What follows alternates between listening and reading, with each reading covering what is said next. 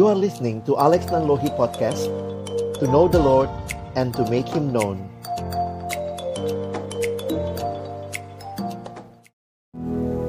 Mari kita berdoa. Kami bersyukur kepada Tuhan buat kesempatan yang indah kami bersama-sama akan membuka firman-Mu ya Tuhan. Kami mohon bukalah juga hati kami. Jadikanlah hati kami seperti tanah yang baik.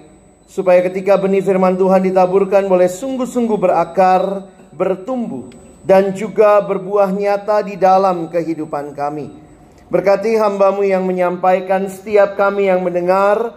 Tuhan tolonglah kami semua. Agar kami bukan hanya jadi pendengar-pendengar firman yang setia.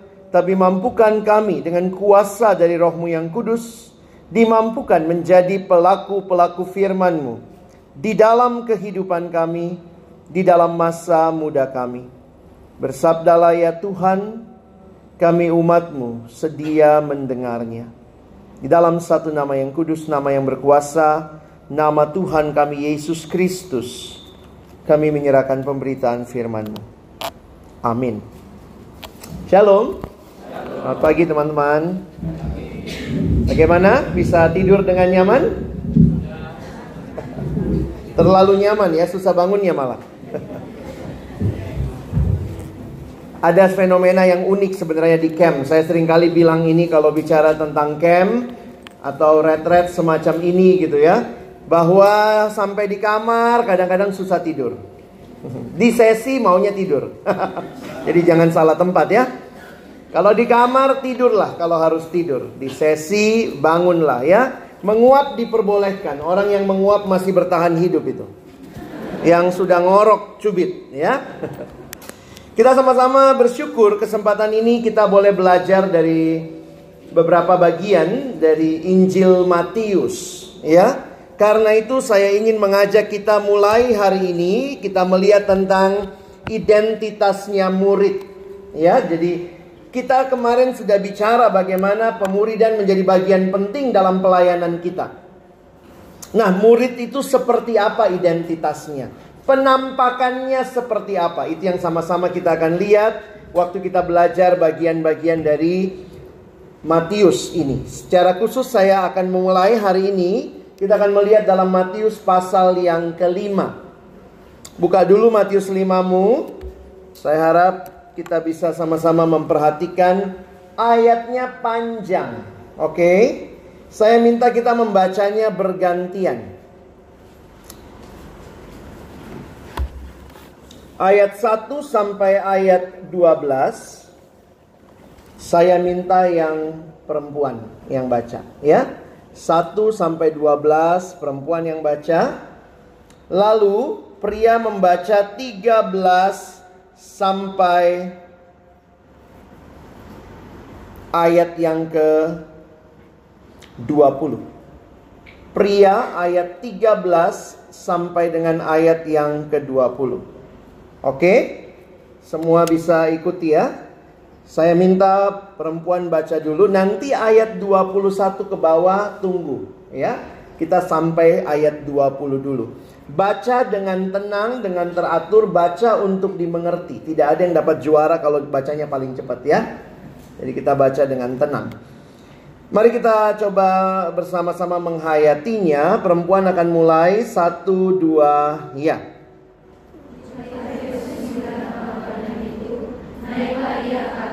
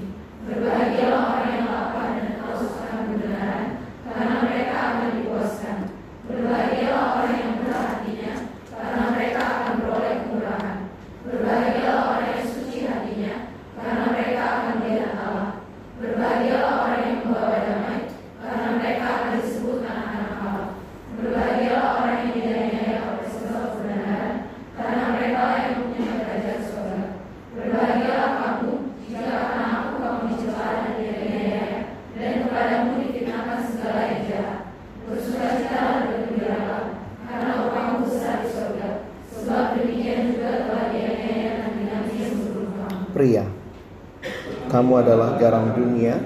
Jika garam itu menjadi tawar, dengan apakah ia diasinkan? Tidak ada lagi gunanya selain dibuang dan diinjak orang. Kamu adalah terang dunia. Kota yang terletak di atas gunung tidak mungkin tersembunyi. Lagi pula orang tidak menyalakan pelita lalu meletakkannya di bawah gantang, melainkan di atas kaki dian sehingga menerangi semua orang di dalam rumah itu. Demikianlah hendaknya terang cahaya di depan orang. Supaya kamu memuliakan yang di surga. Janganlah menyangka bahwa aku datang meniadakan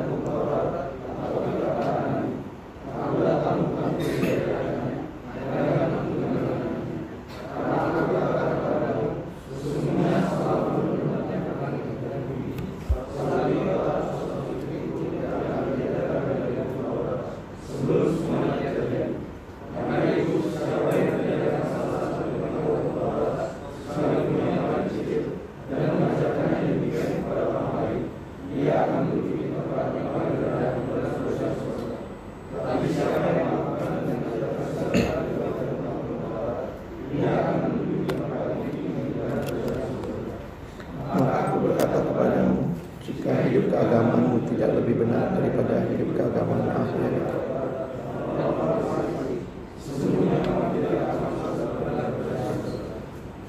Selanjutnya kita akan baca dalam hati masing-masing, ya. Mulai ayat 21, kalian baca terus sampai dengan ayat yang ke-48.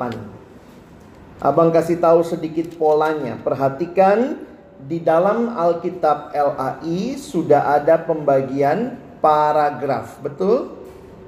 Lihat di Alkitabmu ada pembagian paragraf. Lalu perhatikan ada kata-kata yang diulang. Perhatikan misalnya ayat 21. Kamu telah mendengar yang difirmankan kepada nenek moyang kita. Oke? Nanti juga kalian bisa lihat misalnya ayat 27 muncul lagi tuh. Kamu telah mendengar firman.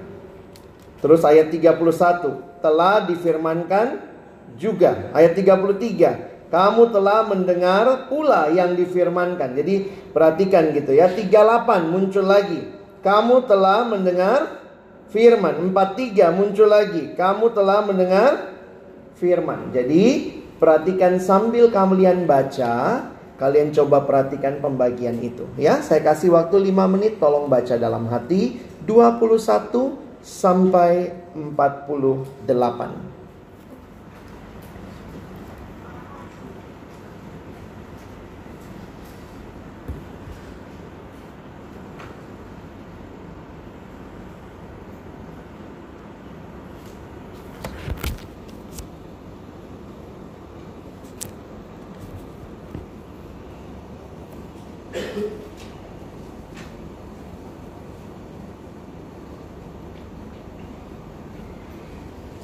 Baik. Teman-teman, Abang yakin panitia memberikan ayat yang panjang ini untuk kita boleh belajar. Tapi lebih dari itu adalah saya baca di tujuan supaya kita merefleksikan diri. Karena itu saya siapkan PowerPoint dengan ayat yang panjang. Saya tidak akan kupas mendalam satu bagian demi satu bagian karena itu akan makan waktu yang panjang tapi saya akan menolong kalian melaluinya dengan reflektif. Jadi kita coba berkaca waktu kita baca, coba selalu tanya, lalu hidupku bagaimana? Ya, itu reflektif. Kita belajar untuk melihat bagaimana penerapannya dalam hidup kita. Mungkin banyak hal yang kamu sudah tahu, ini bukan perikop yang baru. Tapi apakah ini sudah terjadi di dalam hidupmu? Nah, saya mulai dengan mengajak kita melihat bahwa Matius pasal 5 sampai pasal 7 adalah bagian khotbah Yesus di bukit. Nah, mungkin pertanyaan Abang saya mulai dengan ini ya. Apakah khotbah di bukit ini ini KKR massal atau pembinaan kelompok kecil? Coba lihat baik-baik ayat 1, ayat 2, Kalian lihat di dalam bagian ini. Ini pembinaan massal KKR atau mungkin pakai istilah ini KMPI, camp penginjilan mahasiswa baru atau ini camp untuk para anggota kelompok kecil ya. Siapa yang setuju ini KKR masal? Siapa yang setuju ini pembinaan kelompok kecil? Siapa yang nggak tahu ya kalian lah semua yang angkat itu ya. Kalau perhatikan bagian awalnya, menarik juga memperhatikan ya bahwa kalau lihat khotbah di bukit itu dikatakan di situ ketika Yesus melihat orang banyak itu, naiklah ia ke bukit setelah ia duduk, datanglah murid-muridnya kepadanya. Waktu itu yang ngajar yang duduk, sekarang kebangetan yang ngajar yang berdiri kau yang duduk gitu ya. Waktu itu Yesusnya yang duduk ya. Pengen juga saya khotbah begitu, kalian yang duduk. Enggak lah, Yesusnya mungkin duduk di batu, mereka duduk di rumput. Kira-kira begitu ya. Nah, perhatikan orang banyak itu, tapi perhatikan juga datanglah murid-muridnya. Nah, jadi ini jadi pertanyaan buat banyak penafsir Alkitab. Ini sebenarnya penginjilan buat semua orang yang Yesus akan sampaikan pasal 5 sampai pasal 7. Apakah itu syarat untuk selamat? Atau ini bicara kepada muridnya. Jadi untuk orang banyak atau untuk murid. Nah ini jadi perdebatan. Siapa yang setuju ini untuk orang banyak? Siapa yang setuju ini untuk murid? Siapa yang bilang untuk dua-duanya? Menarik kalau perhatikan, nah kalau kita PA mendalam gitu ya, coba lihat bagian akhir dari Matius pasal 7 dikatakan apa? Setelah Yesus mengakhiri perkataan ini takjublah orang banyak mendengar pengajarannya. Jadi untuk murid atau untuk orang banyak? Orang banyak atau untuk keduanya? saya akhirnya menyimpulkan saya setuju dengan pendapat seorang penafsir bernama Don Carson. D.A. Carson dalam tafsirannya dia mengatakan sebenarnya ini adalah pengajaran khusus untuk murid. Cuma waktu itu kan nggak bisa bikin kelas-kelas. Maaf ya, bukan murid keluar kau, keluar kau nggak bisa ya. Sehingga akhirnya orang banyak pun nampaknya datang dan mendengar. Jadi nampaknya ini awalnya retret pribadi antara Yesus dengan muridnya. Lalu orang-orang banyak datang, makin lama makin banyak, akhirnya ikut men mendengar. Kenapa kita perlu menghayati ini? Karena saya lebih setuju dengan ini adalah pengajaran khusus murid. Kenapa? Karena tuntutan-tuntutan di dalamnya tidak mungkin dicapai oleh orang yang belum mengalami perjumpaan pribadi dengan Tuhan. Yesus tidak lagi memberikan syarat-syarat masuk kerajaan Allah. Kalau kamu masuk kerajaan Allah harus ini, harus ini, harus ini. Karena itu bukanlah kekristenan yang kita pahami secara utuh. Kalau kalian mengerti keselamatan, kita selalu mengatakan keselamatan itu pertanyaannya anugerah atau perbuatan baik. Jadi pertanyaan abang begini, kamu untuk selamat harus jadi orang lemah lembut baru selamat. Berarti kan melakukan sesuatu baru selamat. Tadi kan gitu ya, berbahagialah orang yang lemah lembut. Ini syarat supaya selamat atau karena sudah selamat makanya bisa lemah lembut. Nah selamat ya. Kalau ditanya mana duluan ayam apa telur? Yang Tuhan cipta. Hah, telur mata sapi. Kita langsung ngerti, oh iya, ayam baru kemudian ayamnya yang bertelur. Kita penghayatan kita begitu ya. Nah, sekarang pertanyaannya, balik lagi, keselamatan baru berbuat baik atau berbuat baik baru selamat? Yakin ya? Benar. Jadi ngapain ke gereja tiap minggu? supaya selamat. Kenapa saat teduh tiap hari? Supaya selamat. Kalau sudah selamat lalu saat teduh tiap hari, berarti saat teduh bawa keselamatan nggak? Kalau kita nggak usah saat teduh lah, nggak, bukan usaha buat selamat kok. Ini dibolak-balik anak perkantas mah udah ngerti ya. kita diselamatkan karena anugerah, bukan karena perbuatan baik kita. Ini kesimpulan kita saya pikir jelas. Kita diselamatkan justru untuk berbuat baik. Jadi sekali lagi saya menghayati ini bukan khotbah KKR. Ayo supaya selamat kamu harus rendah hati, kamu harus apa? Yesus tidak lagi bicara kepada orang banyak supaya selamat. Yesus lagi bicara pada murid-murid yang sudah mengalami perjumpaan dengan Tuhan yang harusnya ketika mereka mengalami perjumpaan itu mereka punya karakter murid seperti ini. Dan saya sepakat dengan panitia. Ini bicara identitas. Teman-teman saya suka kasih ilustrasi begini ya. Coba misalnya, kau tinggal di rumah sama papa mamamu.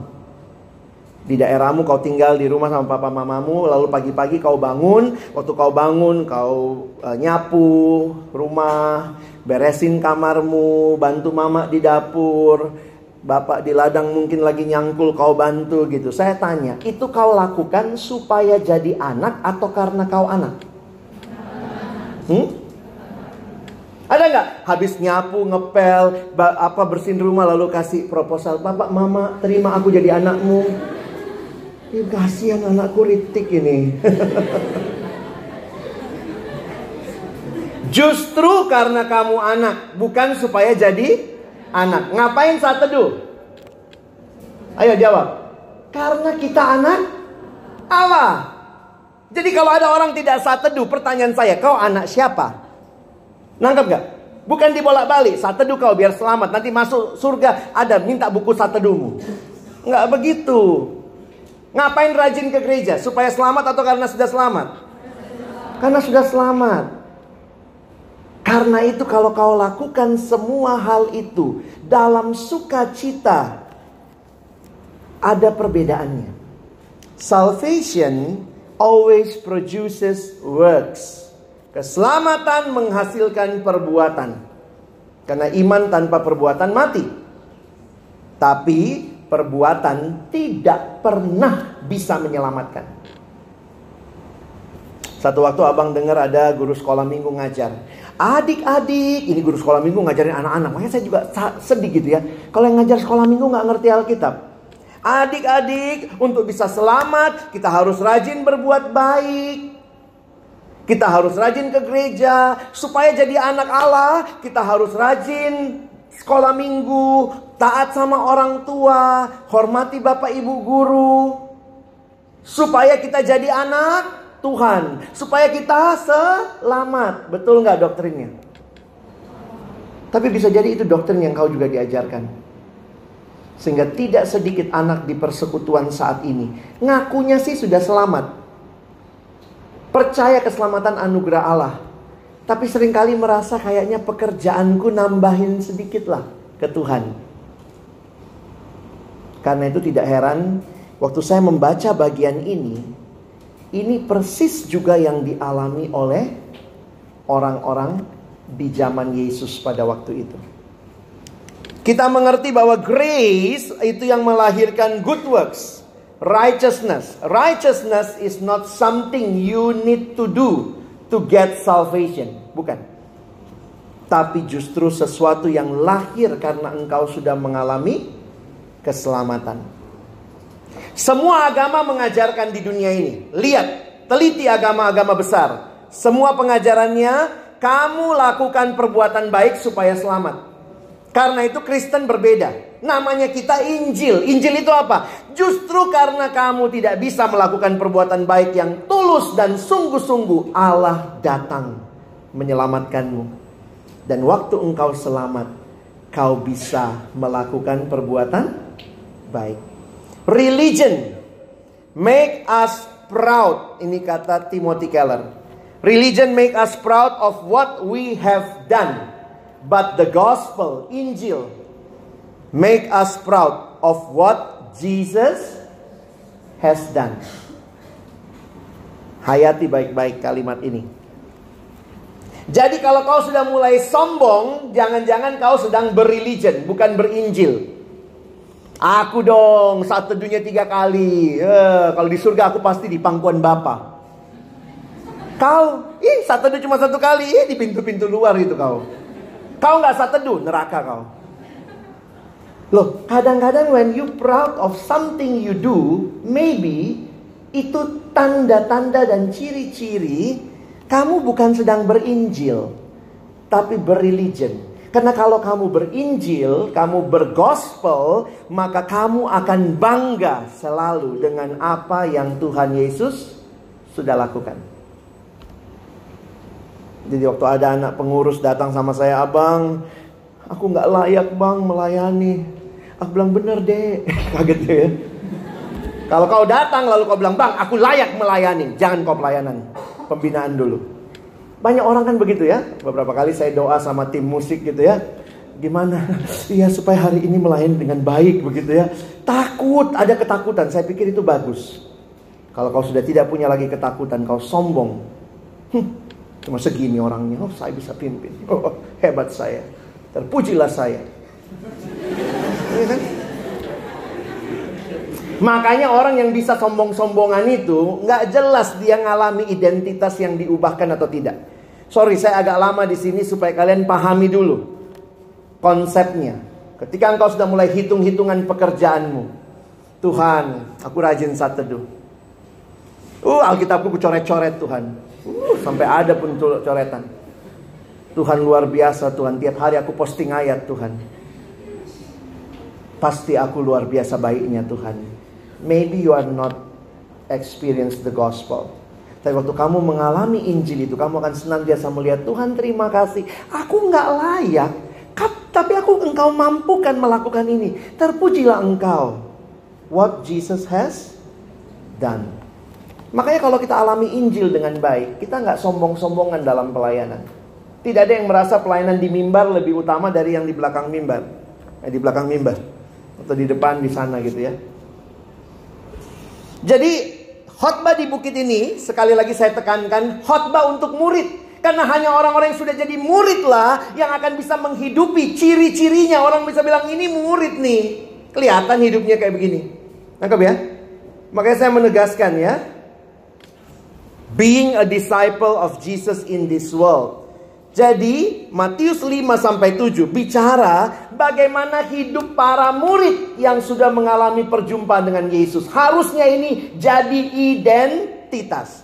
Kalau ini tidak kelihatan dalam hidupnya, coba cek lagi. Kenapa kamu dibilang anak Tuhan? Karena ada ciri-ciri Tuhan di dalamnya, gitu kan? Coba kalau dibilang kenapa? Ini anak Jambi. Ayo, apa? Karena ada kejambiannya. Ini anak Lampung. Orang bisa lihat ini anak Lampung, ini anak Jambi, atau beginilah. Ini anak Unila, ini anak Unsri. Memang kalau bicara anak itu tidak bicara hubungan biologis. Saudara sepupu kita kadang suka bingung. Kristen Allahnya beranak.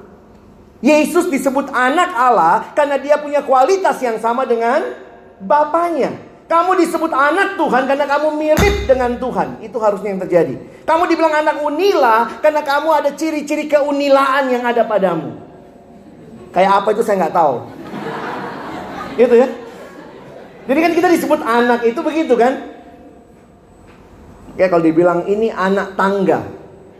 Kan nggak ada yang langsung nanya, mana mama tangganya? Orang suka gitu tuh. Kristen itu nggak masuk akal. Allahnya beranak. Yesus anak Allah. Berarti Allah selingkuh sama siapa? Saya bilang memang dasar kau kotor pikiranmu. Jorok kau.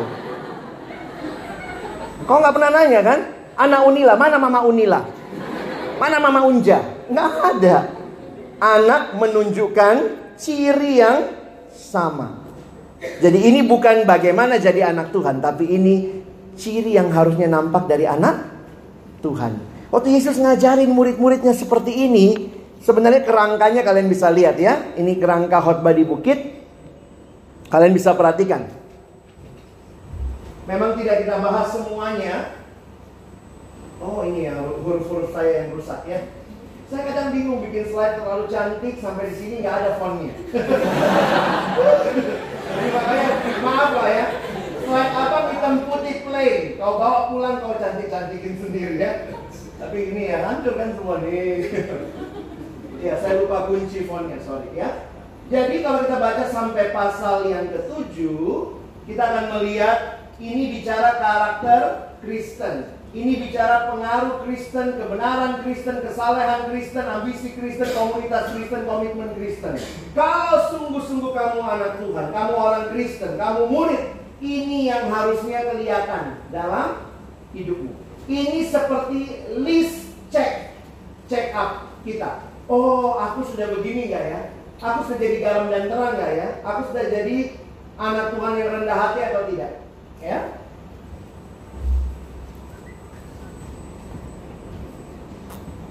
Kenapa saya pakai dua istilah? Ada istilah Kristen, ada istilah murid. Saya ambil ini, nanti kalau kalian tertarik bisa baca bukunya Bapak John Stott. Saya pengagum Pak John Stott dalam hidup bersyukur satu kali pernah bertemu dengan dia, salaman lah paling tidak ya. Saya datang ke gereja tempat dia melayani waktu saya studi di Inggris dulu. Dan saya kagum dengan khotbah-khotbahnya, sangat simpel dan sangat jelas. Nah, apa yang saya kaitkan adalah ini dari bukunya tentang khotbah di bukit. Istilah yang John Stott pakai, dia pakai kata Kristen. Jadi sebenarnya pertanyaan kita begini, Kristen atau murid ya? Yang mana yang lebih tepat? Nah, yang menarik kalau kita perhatikan di dalam Alkitab kita, ternyata kata Kristen cuma muncul tiga, tiga kali loh. Bahkan itu pun muncul pertamanya seperti bulian. Ejekan, ya. Ini pertama kali muncul. Coba baca ayatnya sama-sama. Satu, dua, ya. Mereka tinggal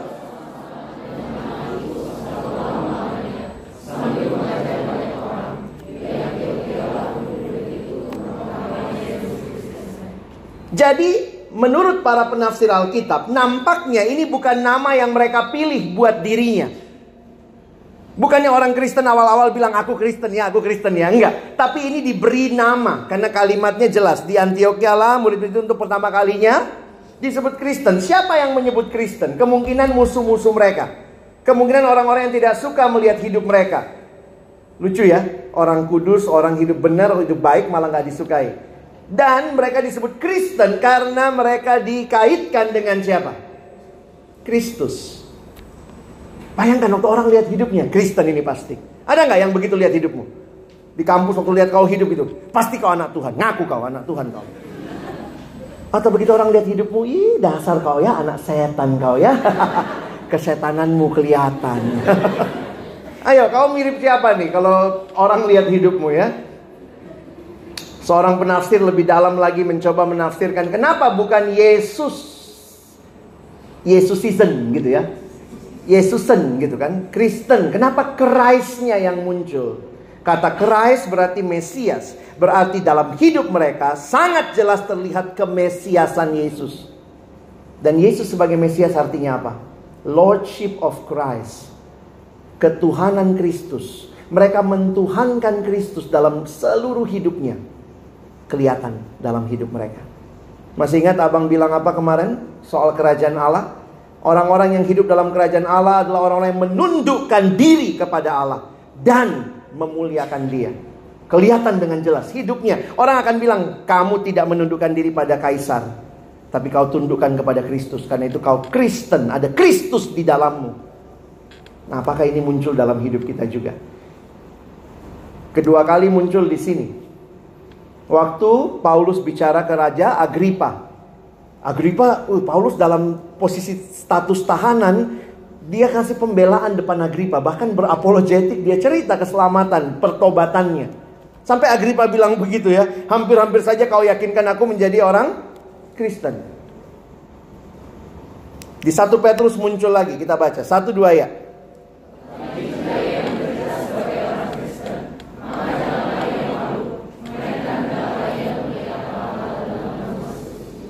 Jadi lihat ya, di situ pun jelas. Kristen mengalami penderitaan, nampaknya juga ini sebagai sebuah bulian. Pertanyaan saya begini, sebelum ada kata Kristen, kalau begitu kata apa yang dipakai untuk orang yang ikut Yesus? Mu? Murid. Karena itu lihat data ini ya. Murid suatu sebutan yang umum di perjanjian baru menunjuk kepada pengikut Yesus.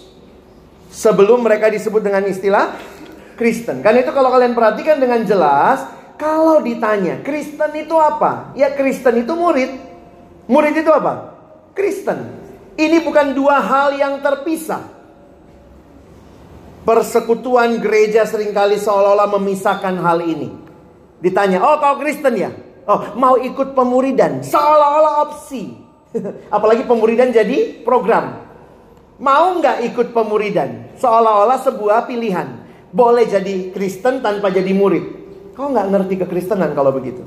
Kalau kau mengerti kekristenan, semua yang percaya harusnya jadi murid. Karena itu kita berjuang orang-orang ikut kelompok kecil. Karena kelompok kecil salah satu strategi pemuridan. Tapi bukan satu-satunya. Persekutuan besar juga jadi strategi pemuridan. Yesus berkhotbah kepada orang banyak. Dia berkhotbah kepada murid-muridnya. Dia pun melayani pri, bah, pribadi. Coba waktu misalnya ketemu perempuan Samaria. Dia nggak bilang, oh sorry nggak bisa ngomong sama saya. Daftar kelompok kecil dulu sama Petrus baru ngomong. Enggak kan? Jadi saya melihat gereja yang sehat, persekutuan yang sehat tidak hanya punya satu strategi pemuridan. Makanya kita begitu kan? Lihat pola pelayanan perkantas. Kita menegaskan, menekankan pentingnya kelompok kecil sebagai tulang punggung. Tapi kita nggak buang persekutuan besar. Makanya nanti malam kita ada seminar. Atau kita ada kapsel tentang bagaimana mengelola persekutuan besar. Sekarang gereja berbondong-bondong kelompok kecil.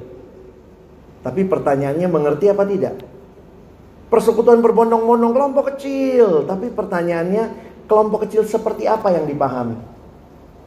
Berarti kelompok kecil ada satu kampus di Jakarta dari dulu diturunkan sama seniornya. Saya senang juga istilahnya ya. KKP. Kami punya KKP di kampus bang. Apalah KKP itu ya? Kalau biasa kan kita KTB, kelompok tumbuh bersama. Ada yang pakai istilah kakak. Ada yang kelompok pakai istilah PA, macam-macam ya. Mereka KKP. Apa itu KKP? Kelompok kecil pemuridan. Jadi saya itu menarik ya bagi saya itu mengingatkan. Oh sorry itu di STAN. STAN itu punya KKP. Kelompok kecil mereka disebut KKP. Kami ada KKP, kelompok kecil pemuridan, mengingatkan tujuan kelompok kecil bukan cuma sharing-sharing. Atau KTB, kelompok tanpa bahan gitu ya. KTB, kelompok tertawa bersama gitu ya.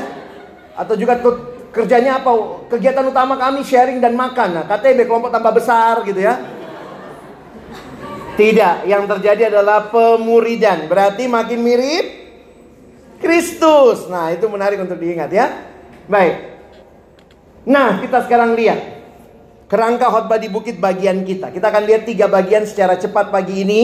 Kita akan mulai melihat karakter Kristen, ya. Matius pasal yang kelima, kita fokus ke ayat yang ketiga sampai ayat yang ke-12. Teman-teman perhatikan kalimat-kalimat ini. Memang ada paralelnya di Injil Lukas. Kalian lihat di Alkitabmu dalam kurung di atas ada Lukas pasal 6. Dimulai dengan kata apa? Berbahagialah. Lihat aja penjelasannya. Jadi ini bukan supaya bahagia. Karena ini bukan syarat supaya bahagia. Tapi ini adalah satu realita yang dialami ketika orang itu mengalami perjumpaan dengan Tuhan. Ini seruan nuansa sukacita, bukan sekedar pernyataan yang datar. Bukan berbahagialah, tapi berbahagialah. Blessed is he. Oh blessedness. Dalam bahasa Yunani dipakai kata makarios. Sukacita yang tidak tergantung faktor luar. Kenapa? Karena perhatikan bagaimana bisa bersuka cita di dalam penderitaan. Ada kalimat di bawah ya. Berbahagialah kamu jika kamu dianiaya. Ini gila banget gitu. Kalau ini tergantung kondisi, maka orang yang sedang mengalami penderitaan bilang maaf. Saya nggak suka cita. Tapi ini sukacita yang melampaui pengalaman-pengalaman hidup. Karena ada Kristus di hati. Coba lihat yang pertama apa? Ada berapa bagian khotbah di bukit? Kalau lihat di sini, ayat 3 mulai. Ayo kalian baca ayat 3 ya. Satu, dua ya.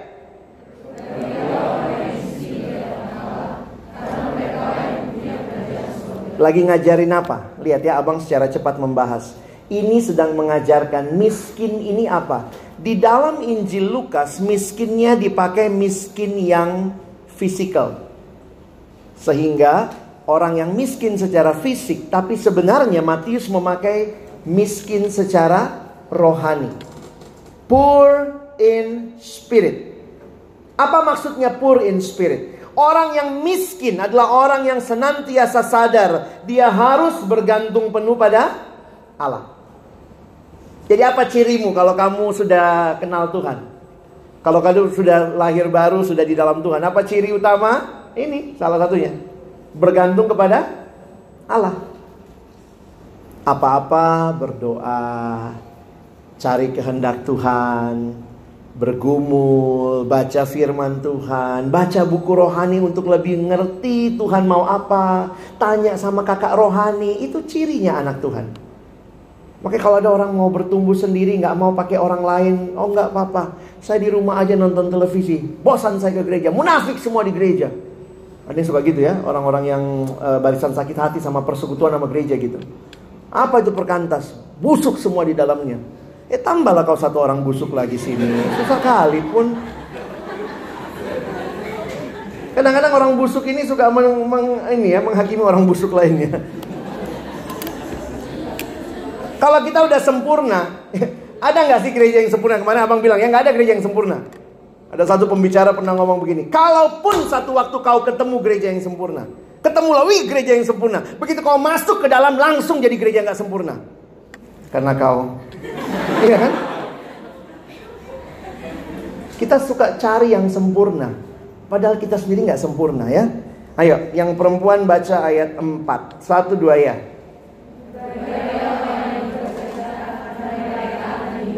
Kontradiksi ya. Duka cita kok bahagia. Pernah kau bahagia dalam duka citamu? Kayak lagu-lagu cinta itu. Meskipun ku tak bersama dia, kau dengan yang lain aku tetap bahagia. Ih. itu bodoh banget itu sebenarnya bodoh banget.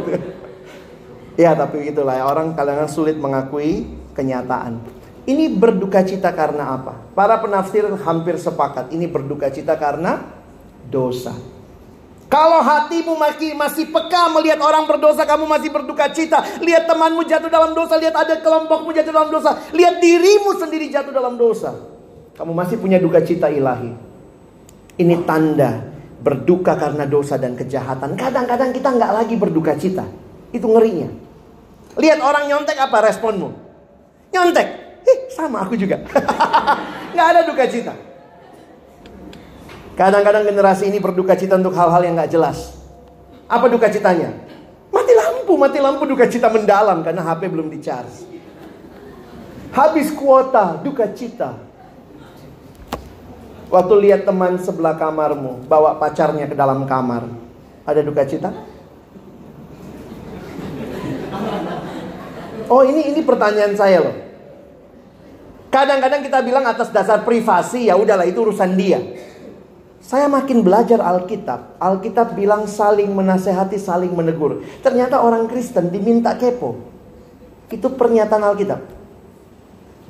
Jadi kalau ada dia bawa pacarnya dalam ke kamarnya mungkin dan itu anak persekutuan temanmu kau tahu dia Kristen, kau tahu dia harusnya hidup benar. Ketuk kamarnya. Dalam nama Yesus keluar kalian. Harusnya begitu kali ya. Sedih hatiku. gitu kan? Tapi bisa jadi kau nggak duka cita. Boro-boro duka cita. Eh boro-boro menegur duka cita aja nggak muncul. Alasannya apa? Ah, udahlah samanya itu. Bisa jadi karena kau begitu atau kau merasa itu bukan urusanmu atau sebenarnya kau nggak ngerti kasih Tuhan. Makanya kalau ada PKK sedih sekali karena AKK-nya jatuh dalam dosa. Saya bisa paham tuh.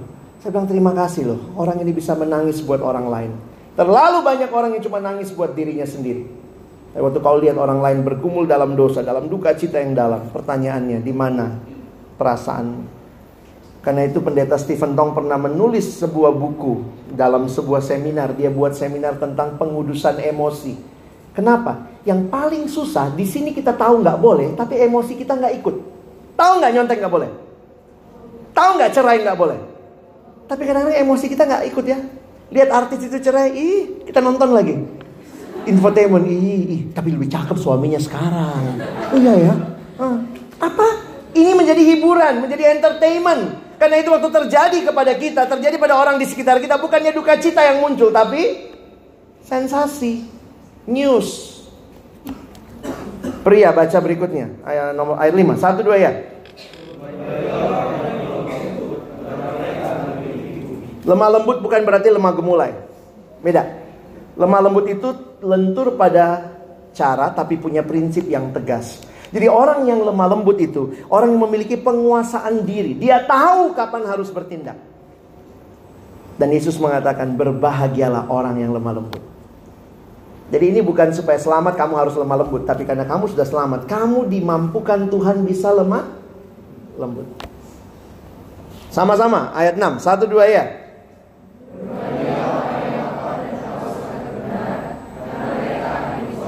Sebenarnya kalau kalian perhatikan semua belakangnya ada karena karena itu indah juga kalau kita pelajari satu persatu ya.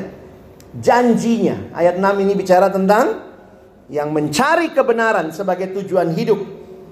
Orang yang lapar, haus akan kebenaran, terus mau hidup benar.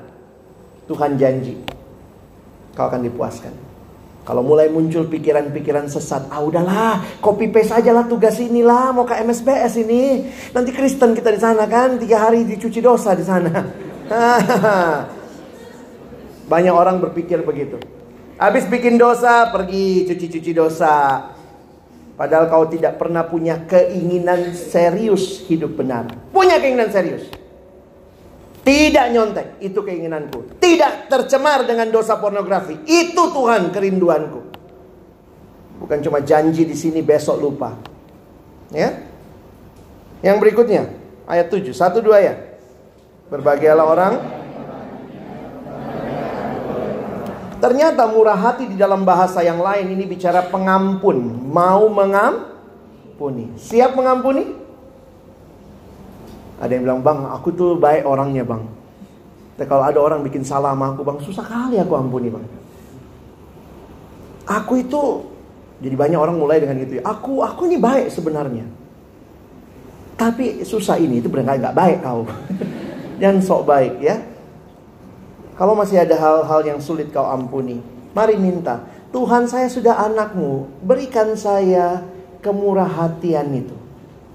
Nampak dalam hidupku. Perempuan ayat 8, satu dua ya.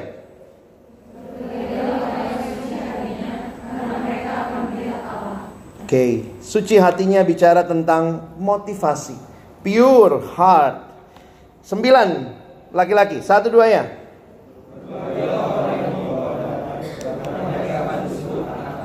Jelas, pembawa damai. Jangan karena kau hadir orang makin berantem. Ada orang begitu ya, tiap kali hadir di situ dia nambah-nambahin, malah nggak jadi baik. 10 sampai 12 ini menarik kita baca sama-sama. Satu dua ya. Berbahagialah orang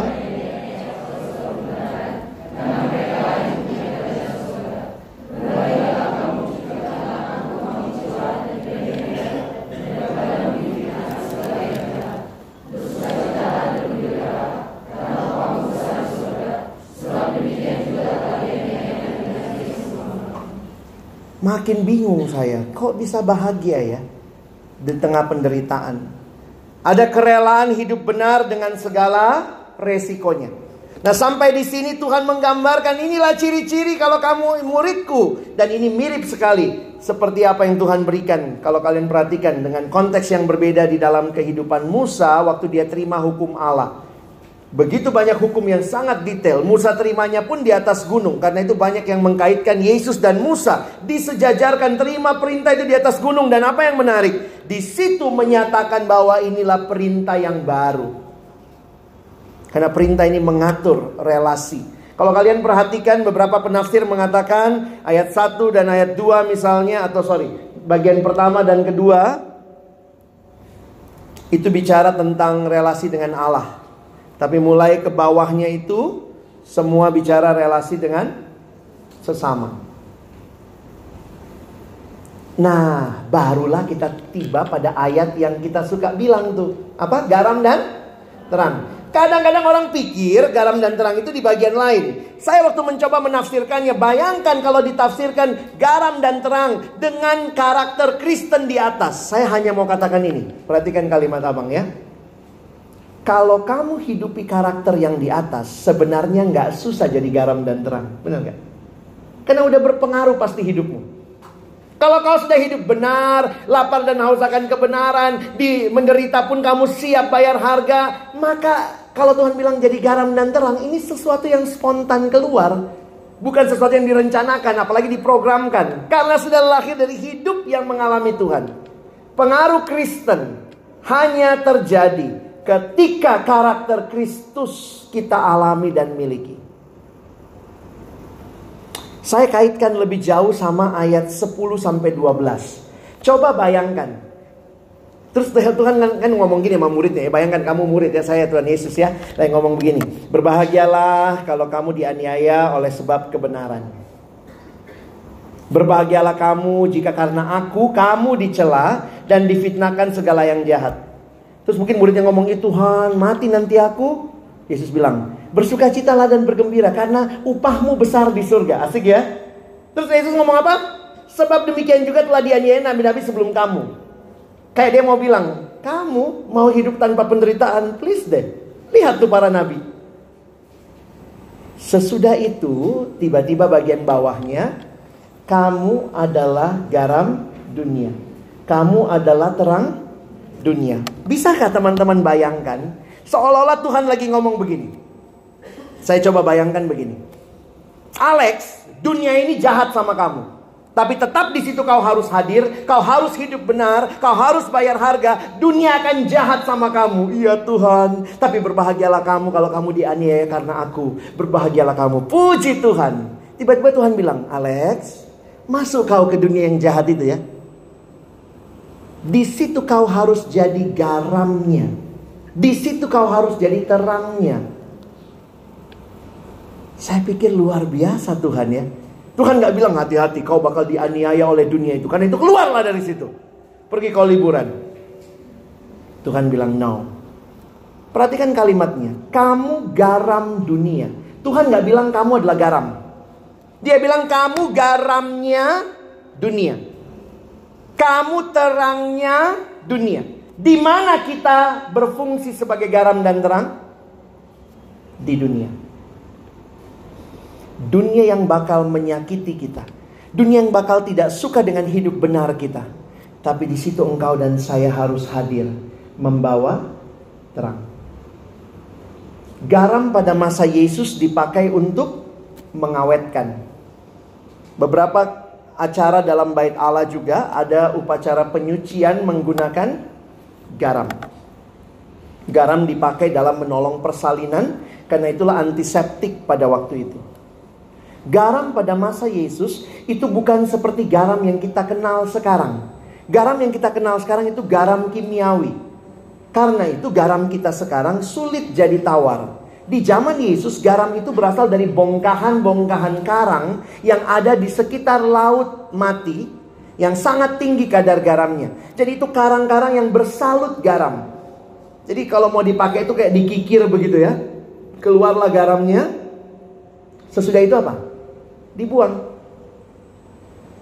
Jadi jangan heran kok Yesus nggak ngerti fisika, nggak ngerti proses kimiawi jika garam itu menjadi tawar. Ah nggak ngerti dia nih, kuliah di MIPA dulu. Karena garam zaman Yesus beda dengan garam zaman kita. Kalau garam bongkahannya pun tidak disimpan dengan baik, terkena oksidasi udara, maka garamnya bisa jadi tawar. Yesus lagi bicara apa?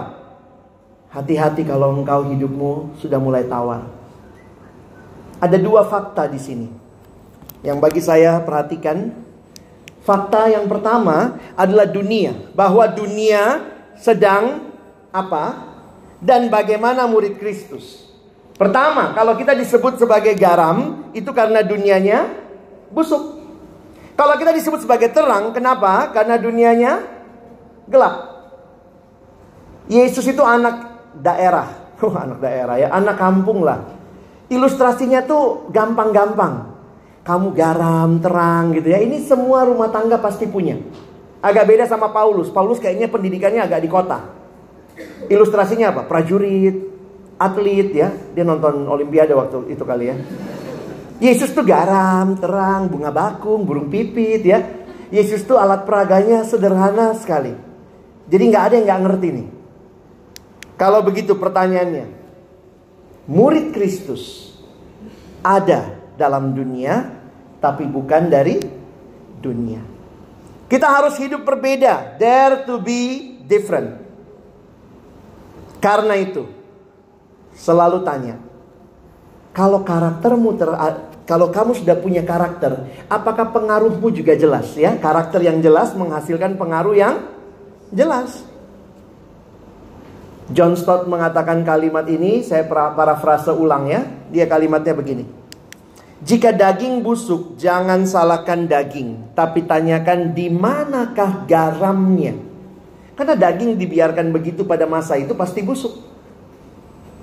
Jika dunia busuk, jangan salahkan dunia, tapi tanyakan di manakah garam dunia.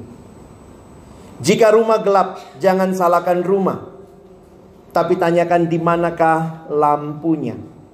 Jika dunia gelap, jangan salahkan dunia, tapi tanyakan di manakah terang dunia. Teman-teman perhatikan kalimat ini baik-baik. Tadi malam kita lihat dunia dengan segala kerusakannya. Saya sepakat dengan Bang Hendrik bertanya, di mana anak Tuhan? Bersyukur Tuhan pakai beberapa alumni Sumatera bagian selatan menggarami dunia. Dalam bidang mereka. Saya bertemu misalnya alumni Palembang, Bang Edison Lawang, mempengaruhi dalam pekerjaan dia sebagai salah satu manajer yang baik di perusahaan yang bagus. Bertemu dengan Bang Pelita Surbakti menjadi dekan dalam satu sekolah teologi di Jakarta. Bertemu dengan banyak juga alumni, saya nggak bisa sebutkan satu-satu ya. Tapi itu orang-orang yang waktu saya perhatikan hidupnya benar-benar mereka bangun sejak mahasiswa saya termasuk punya hubungan yang kuat dengan Sumatera bagian selatan karena waktu saya masih staf muda, sekarang udah tua ya. Waktu saya jauh lebih muda, ini daerah yang saya kunjungi beberapa kali. Traveling pertama saya ke Lampung. saya traveling ke Lampung diajak staf. Waktu itu saya masih pengurus PMK. Saya ingat sekali camp uh, mahasiswa Lampung yang pertama Lalu kemudian saya pernah di Palembang tinggal tiga bulan, mimpin beberapa KTB, PDO bertumbuh, Getsemani. Saya pernah ke Jambi juga, salah satu daerah yang rutin saya kunjungi. Ke Bengkulu baru belakangan gitu ya. Kak Sabto juga menjadi orang yang menjadi saksi bagaimana Tuhan membangun. Ada pengaruh Tanyakan, jangan cuma salahkan dunia rusak, dunia rusak. Kamu jadi apa? Terakhir kita masuk kepada kebenaran Kristen. Kalau tadi sudah ada karakternya Kristus, sudah ada pengaruh yang baik diberikan kepada dunia yang gelap dan busuk, maka sekarang bicara kebenaran seperti apa? Ini sebenarnya bicara kehidupan yang seperti apa yang harusnya nampak dalam keseharian orang yang sudah berjumpa dengan Kristus. Kalau kalian membaca lebih detail, ini abang bikin semua begini supaya nanti kalau kalian mau PA pribadi tertolong ya. Apa hubungannya waktu bicara kebenaran Kristen? Sebelum bicara itu, Yesus menggambarkan relasinya dengan hukum. Lalu di bawahnya relasi orang Kristen dengan hukum. Itulah ayat 20 sampai 48. Relasi Kristus dengan hukum kita baca sama-sama reminder ayat ini. Satu dua, ya. Janganlah kamu menyangka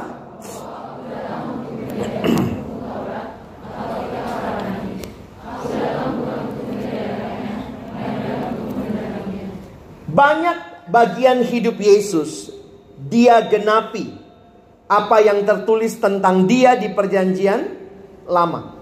Tetapi dalam konteks ini, kalau kalian perhatikan ayatnya, waktu Yesus berkata tidak ada satu pun yang aku, aku akan uh, hapus dari hukum Taurat, bahkan satu iota pun, iota itu tanda baca paling kecil dalam huruf Yunani. Uh, maaf, Ibrani ya. Jadi iota pun itu kayak titik aja, tidak ada yang akan dihilangkan. Jadi kalau kalian perhatikan, ini menunjukkan bahwa Yesus menggenapi hidup, uh, hukum Taurat, Tapi penggenapannya itu di dalam hidupnya, di dalam karyanya, di dalam kesemua hal. Tapi yang sangat jelas adalah di dalam ketaatan penuhnya kepada hukum Taurat. Siapa yang sempurna bisa menggenapi hukum Taurat? Yesus. Ada kita yang bisa sempurna? Tidak. Kan itu Yakobus bilang, kalau kamu bilang, kamu itu hukum Taurat anggaplah ya 10 kan? Kamu cacat satu, berarti kamu melanggar semuanya. Itu kalimat Yakobus. Tidak bisa kamu menggenapinya. Tidak bisa kamu benar-benar taat sempurna. Nah, lalu Yesus tarik perbandingannya dengan kita. Perhatikan kalimat ini. Saya pikir kuncinya di sini ya. Coba lihat kalimat ini. Kita baca sama-sama. Satu dua ya. Maka aku berkata kepadamu,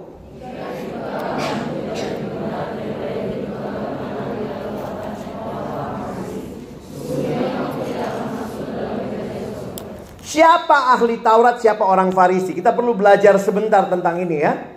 Coba lihat sebentar. Kalian punya kamus Alkitab, nggak usah dibuka lah ya, abang tulis di atas. Di kamus Alkitabmu ada tentang ahli Taurat, ada tentang orang Farisi. Banyak kali kita pikir orang Farisi sama dengan ahli Taurat, tidak identik sama. Perhatikan sebentar. Ahli Taurat adalah pengajar, penafsir perjanjian lama, khususnya kelima kitab Musa. Farisi itu adalah sebuah sekte, golongan. Anggaplah misalnya kalau ini partai politiknya gitu ya. Suatu golongan dari para rabi dan ahli Taurat yang sangat berpengaruh. Jadi isinya Farisi ada ahli Taurat, tapi tidak semua ahli Taurat adalah Farisi. Mana hiburan semesta, mana hiburan bagian? Semestanya adalah gitu ya udah lupa ilmunya ya. Tidak semua Farisi, eh, tidak semua ahli Taurat orang Farisi. Ya. Dan Farisi ini ada rabi isinya, ada ahli Taurat yang sangat berpengaruh, berpegang pada Taurat Musa dan ada istiadat. Teman-teman masih ingat, ada berapa hukum Taurat tadi? Sepuluh. Bayangkan sepuluh hukum Taurat ini mereka jabarkan lebih detail. Jadi berapa hukum? Ada yang belajar Pancasila nggak? Pancasila berapa sila? Lima sila. Berapa butir? Eh, lulus ujian nggak? Berapa butir Pancasila?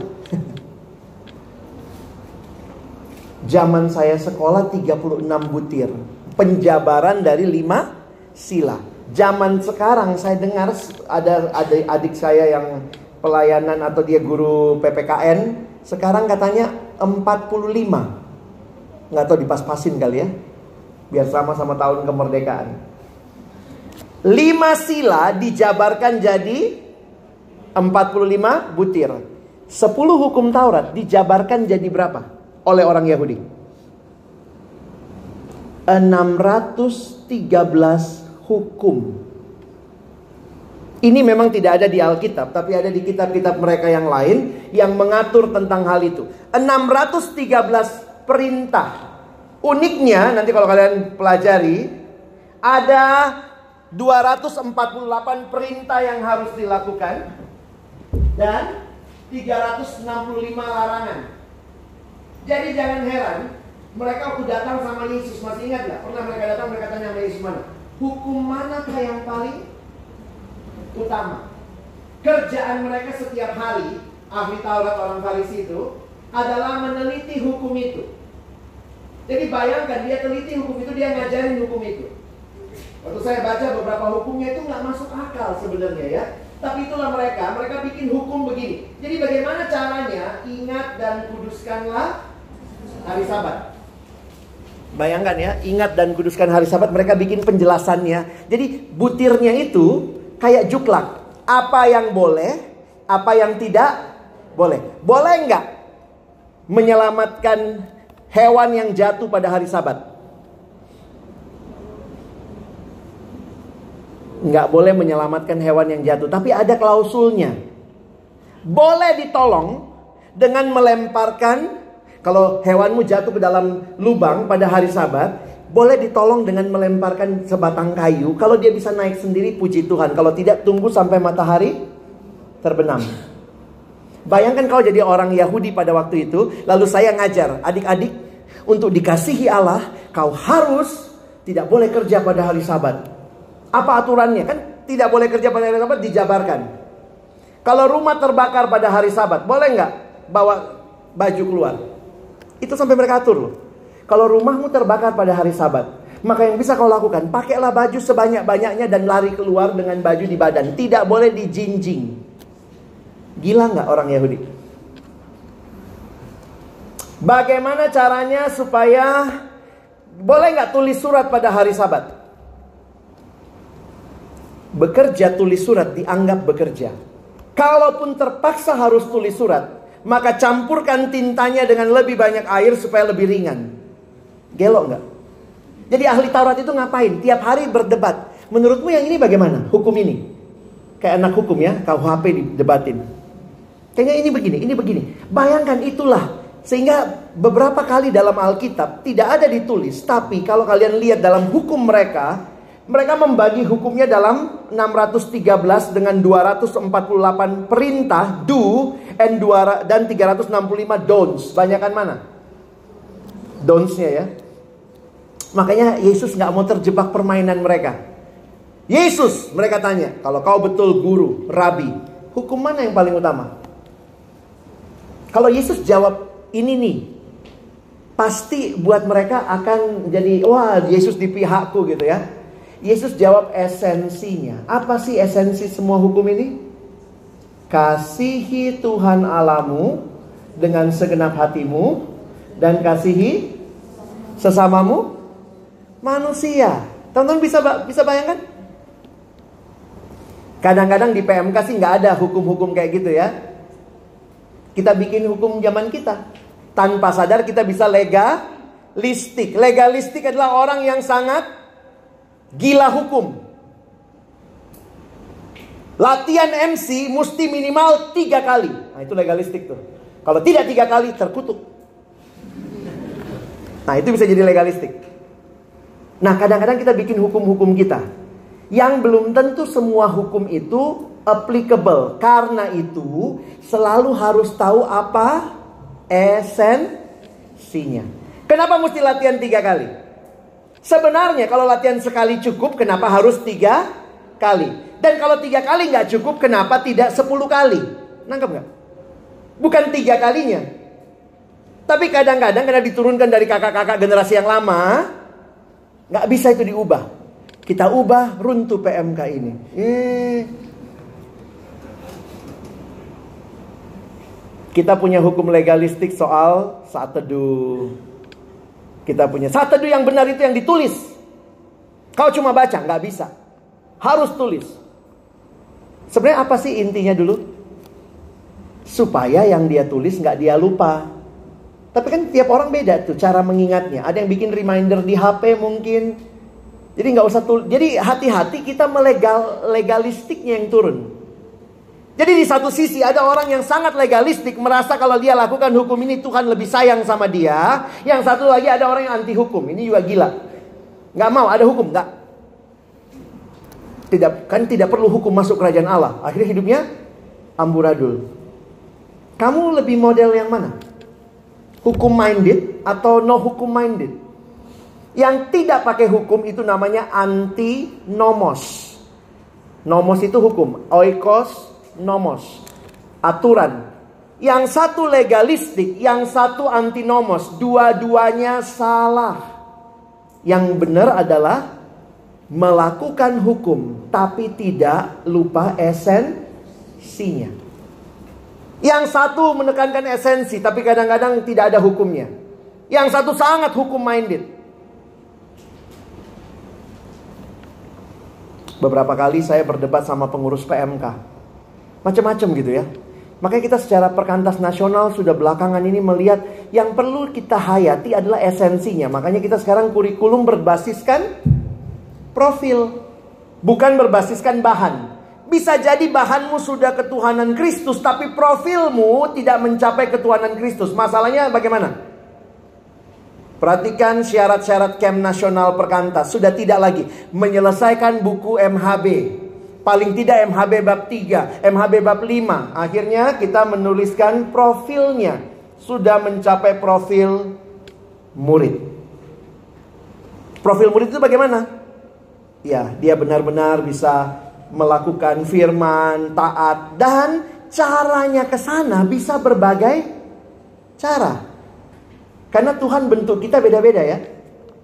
Bang Hendrik kemarin bilang soal gaya belajar. Kalian tahu gaya, gaya belajarmu? Saya orangnya visual juga. Orang visual itu kalau belajar begini. Kalau lagi ujian dia ingat, ada itu di buku itu sebelah kiri bawah, kiri bawah. Itu visual kau.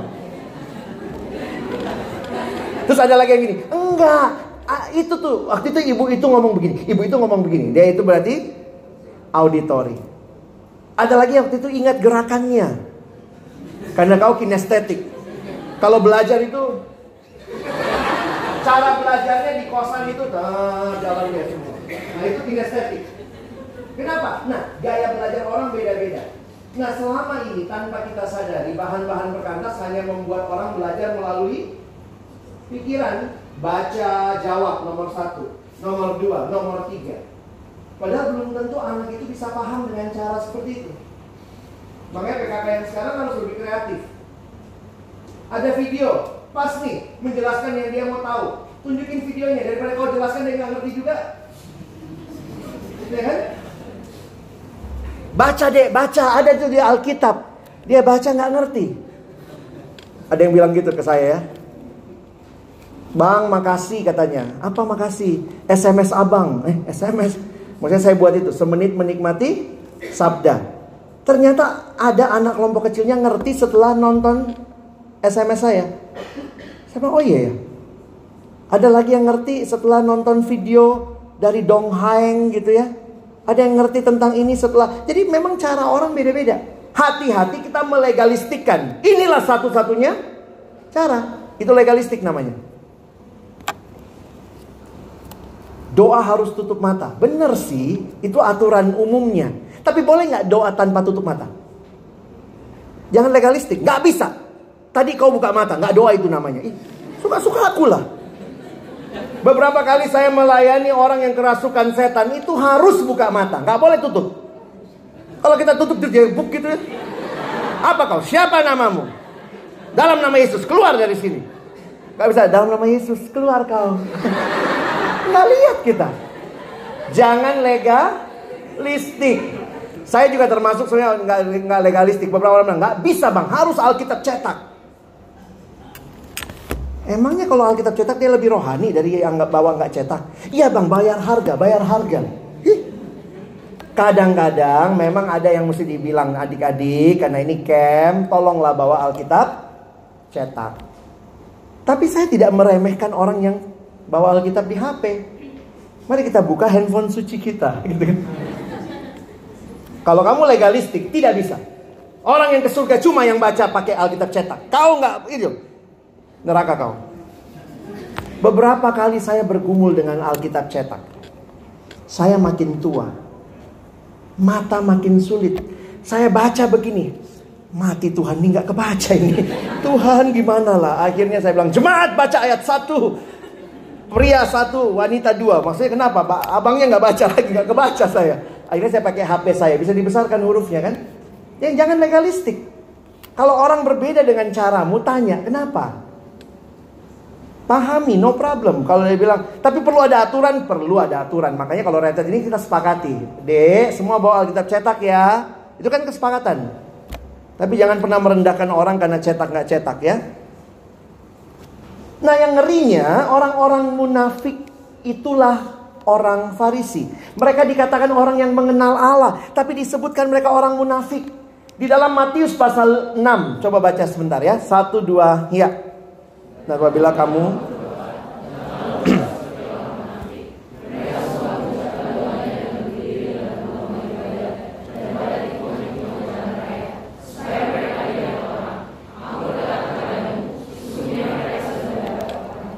Jadi orang-orang munafik ini, orang Farisi ini, mereka yang cukup legalistik sebenarnya. Karena itu saya coba cari apa definisi munafik dalam satu kamus Kristen. Dia bilang begini, hypocrisy trying to appear holy when one's heart is far from God. Jadi orang yang munafik itu bisa ini cirinya. Tahu kebenaran tapi tidak mau taat. Itulah orang Farisi kan. Mereka taruh hukum-hukum yang berat itu ke jemaat, dia sendiri tidak lakukan. Living a self-serving life yang dia puaskan, yang dia layani dirinya. Reduce faith to rigid rules. Itu ciri-ciri orang Farisi. Iman dibuat jadi hukum yang sangat rigid. Outward conformity without inner reality. Yang penting diterima orang. Banyak kita memang juga sadar ya, ini salah satu dosa kita.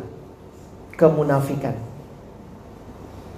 Kalau lagi retret, bangun pagi misalnya doa saat teduh, waktu doa saat teduh gitu, terus dia amin. Ih, lihat temannya, ih masih saat teduh dia. Pura-pura lama-lamain, biar kelihatan lebih rohani. Sebenarnya bukan dia tidak tidak cinta firman, dia cinta dirinya. Begitu doa, tidur malam doa, dia lihat temennya, ih masih doa. Ah, lama-lamain ah. Tunggu, biar nanti temannya amin. Ih, ih doa dia lebih lama dari aku. Yang satu lagi tidur lagi dia, lebih lama lagi doanya. Jadi sebenarnya kita lagi berdoa atau lagi lama-lamaan rohani? Aku lebih rohani loh dari kau. Oh banyak loh. Kita terjebak seperti itu. Mau kelihatan rohani. Jadi siapa yang kita senangkan?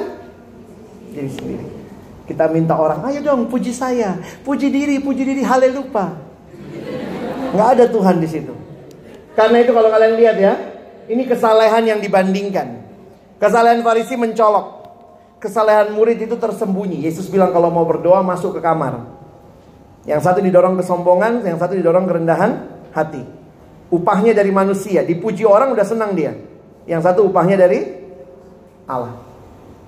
Sebagai penutup, mari dengan cepat melihat.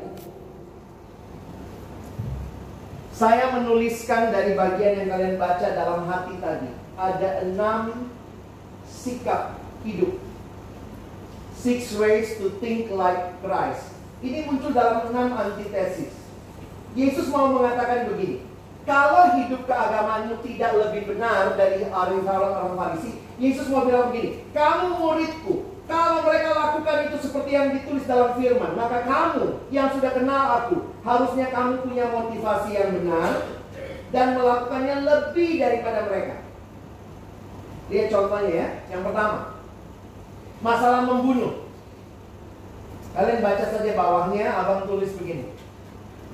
Tidak cukup hanya tidak melakukan pembunuhan.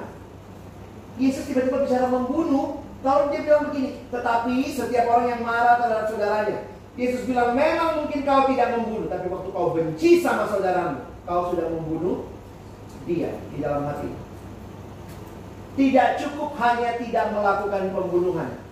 Orang Farisi hanya sampai situ, kesalehannya. Ini kan kalimatnya ya.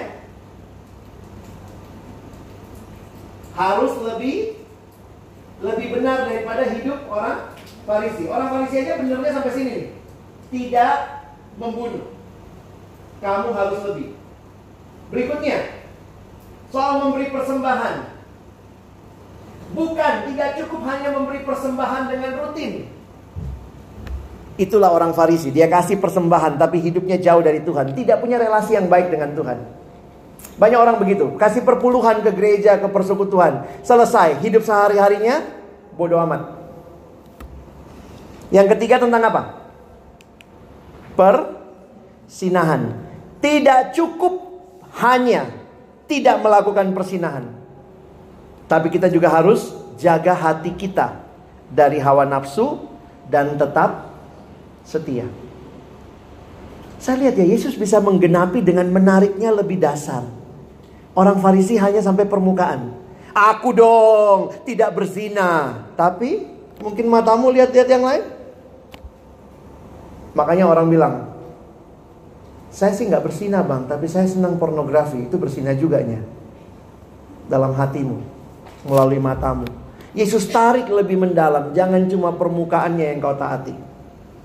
Berikutnya, perceraian, betul?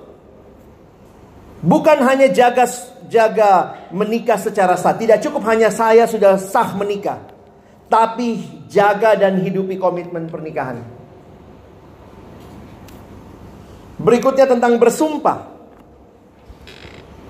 Makanya nanti kalian baca baik-baik ya. Slide-nya saya bisa kasih ke kalian.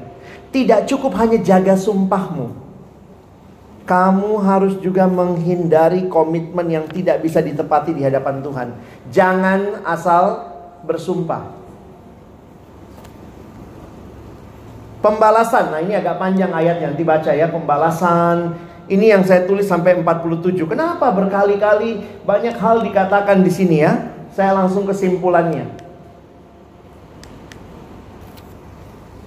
Tidak cukup hanya mencari keadilan bagi diri kita tapi tunjukkanlah kemurahan, tunjukkanlah kasih. Itu yang Yesus bilang. Karena Tuhan menurunkan hujan bagi orang yang benar maupun yang tidak benar. Jadi Tuhan mengasihi, ya. Jadi sekali lagi, kebenaran lahir dari hidup yang mengalami anugerah. Jangan dibolak-balik. Semua tadi bukan syarat keselamatan. Tapi respon dari orang yang sudah selamat. Nah ini sedikit grafik kalau kalian mau lihat. Harusnya kita di mana? Di tengah ya. Kalau terlalu gila hukum jadi farisi, legalism. Merasa tidak butuh hukum, antinomian, antinomos. Harusnya kita seimbang. Periksa di hidupmu. Jangan-jangan ada hukum-hukum yang kau ciptakan sendiri. Tuhan gak pernah minta begitu. Periksa PM kamu. Apakah banyak aturan-aturan yang kita buat selama ini yang ternyata bukan esensi. Kita praktekkan aturannya, kita lupa esensinya. Ini nanti kalau kalian belajar lebih jauh di dua titik ini, yang satu menarik diri dari dunia, yang satu kompromi dengan dunia. Kita diminta jadi garam dan terang. Menarik ya? di dalam dunia tapi tidak bagian dari dunia. Jadi kita yang tengah lagi. Kita bukan anti hukum, kita pun tidak gila hukum, tapi kita menerapkan hukum dengan semestinya tanpa kehilangan esensinya. Beberapa pemikiran terakhir ada yang ingat Amsal 423 kita baca ya sebagai ayat penutup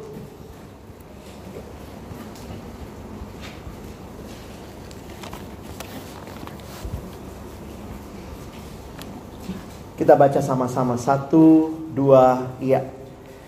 Jagalah hatimu. Jauh sebelum Aajim bikin lagu Jagalah Hati. Ini dia kutip Amsal ya. Plagiat itu. Amsal mengatakan jagalah hatimu dengan segala kewaspadaan dari situlah terpancar kehidupan. Memang hati ini penting kita jaga. Identitas itu kita, identitas kita sebenarnya bermula di hati. Makanya ada kalimat bahasa Inggris mengatakan, What is the heart of the problem? The heart of the problem is the problem of the heart. Inti masalahnya adalah masalah hati. Kalau kau jaga hatimu baik-baik. Tuhan Yesus memberikan gambaran ini. Orang Farisi tingkah lakunya benar. Tapi sebenarnya yang masalah adalah motivasi hati yang terdalam. Dia legalistik. Karena itu fokus hatinya bukan supaya Tuhan dimuliakan. Hukum-hukum itu supaya dia dipuji. Aku kan lebih taat dari kamu.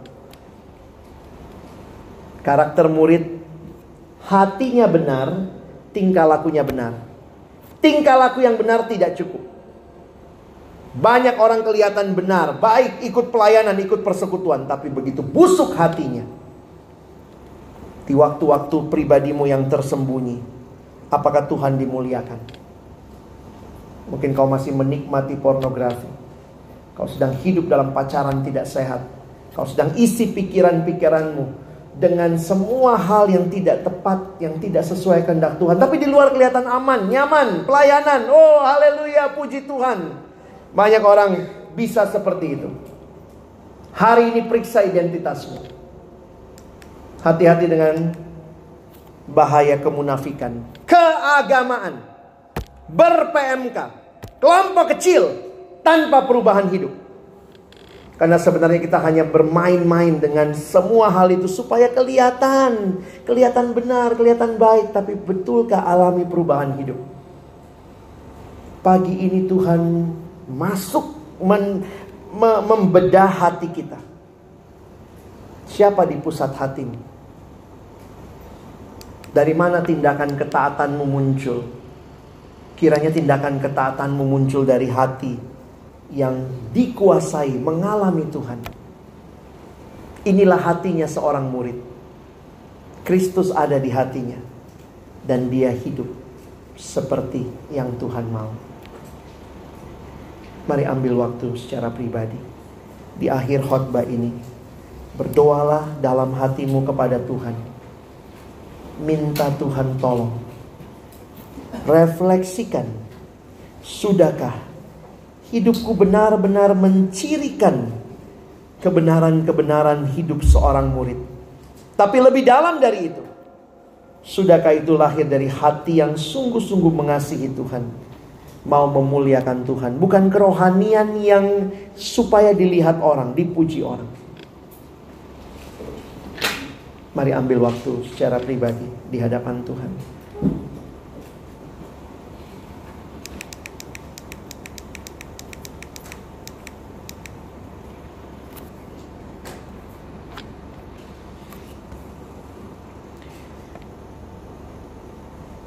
Terima kasih buat firmanmu setiap kebenaran yang memerdekakan hati kami pagi ini. Biarlah waktu kami bercermin dengan firmanmu, evaluasilah hidup kami yang terdalam Tuhan. Waktu kami hadir di pelayanan ini dengan begitu banyak kegiatan rohani yang terlihat di luar, pertanyaannya, sudahkah hati kami benar-benar mengutamakan Tuhan? Supaya kami bisa seperti Yesus punya hidup ke keagamaan yang lebih daripada sekedar Farisi. Karena hidup keagamaan yang lahir dari relasi dengan Allah yang hidup. Relasi yang mau memuliakan Allah dan relasi yang juga mau menjadi berkat bagi sesama. Terima kasih Tuhan. Tolong kami bukan cuma jadi pendengar firman, mampukan kami jadi pelaku-pelaku firman. Dalam nama Yesus kami berdoa. Amin. Ambil waktu nanti dalam kelompok, cukup panjang waktunya kalian dalam kelompok. Silakan difoto pertanyaan ini yang akan kalian diskusikan. Abang cuma minta dua hal ya. Pertama, bagaimana perasaanmu? Kalian generasi yang sering kali mengungkapkan dengan hati. Bagaimana perasaanmu setelah dengar eksposisi pagi ini? Coba buka emoji di WA-mu, pilih emoji yang paling mewakili perasaanmu, lalu nanti sharingkan sama teman kelompokmu. Kenapa itu emoji yang kau pilih? Yang kedua, apa yang makin kamu pahami mengenai identitasmu di dalam Tuhan? Dan ini mungkin pertanyaan reflektif berikutnya, ada hal apa yang harus mungkin saudara ubah setelah ini. Oke? Ambil waktu nanti, coba share, belajar saling terbuka, dan juga saling mendoakan. Kita mau sesi pagi ini, identitas murid Kristus benar-benar jadi bagian hidup kita. Amin.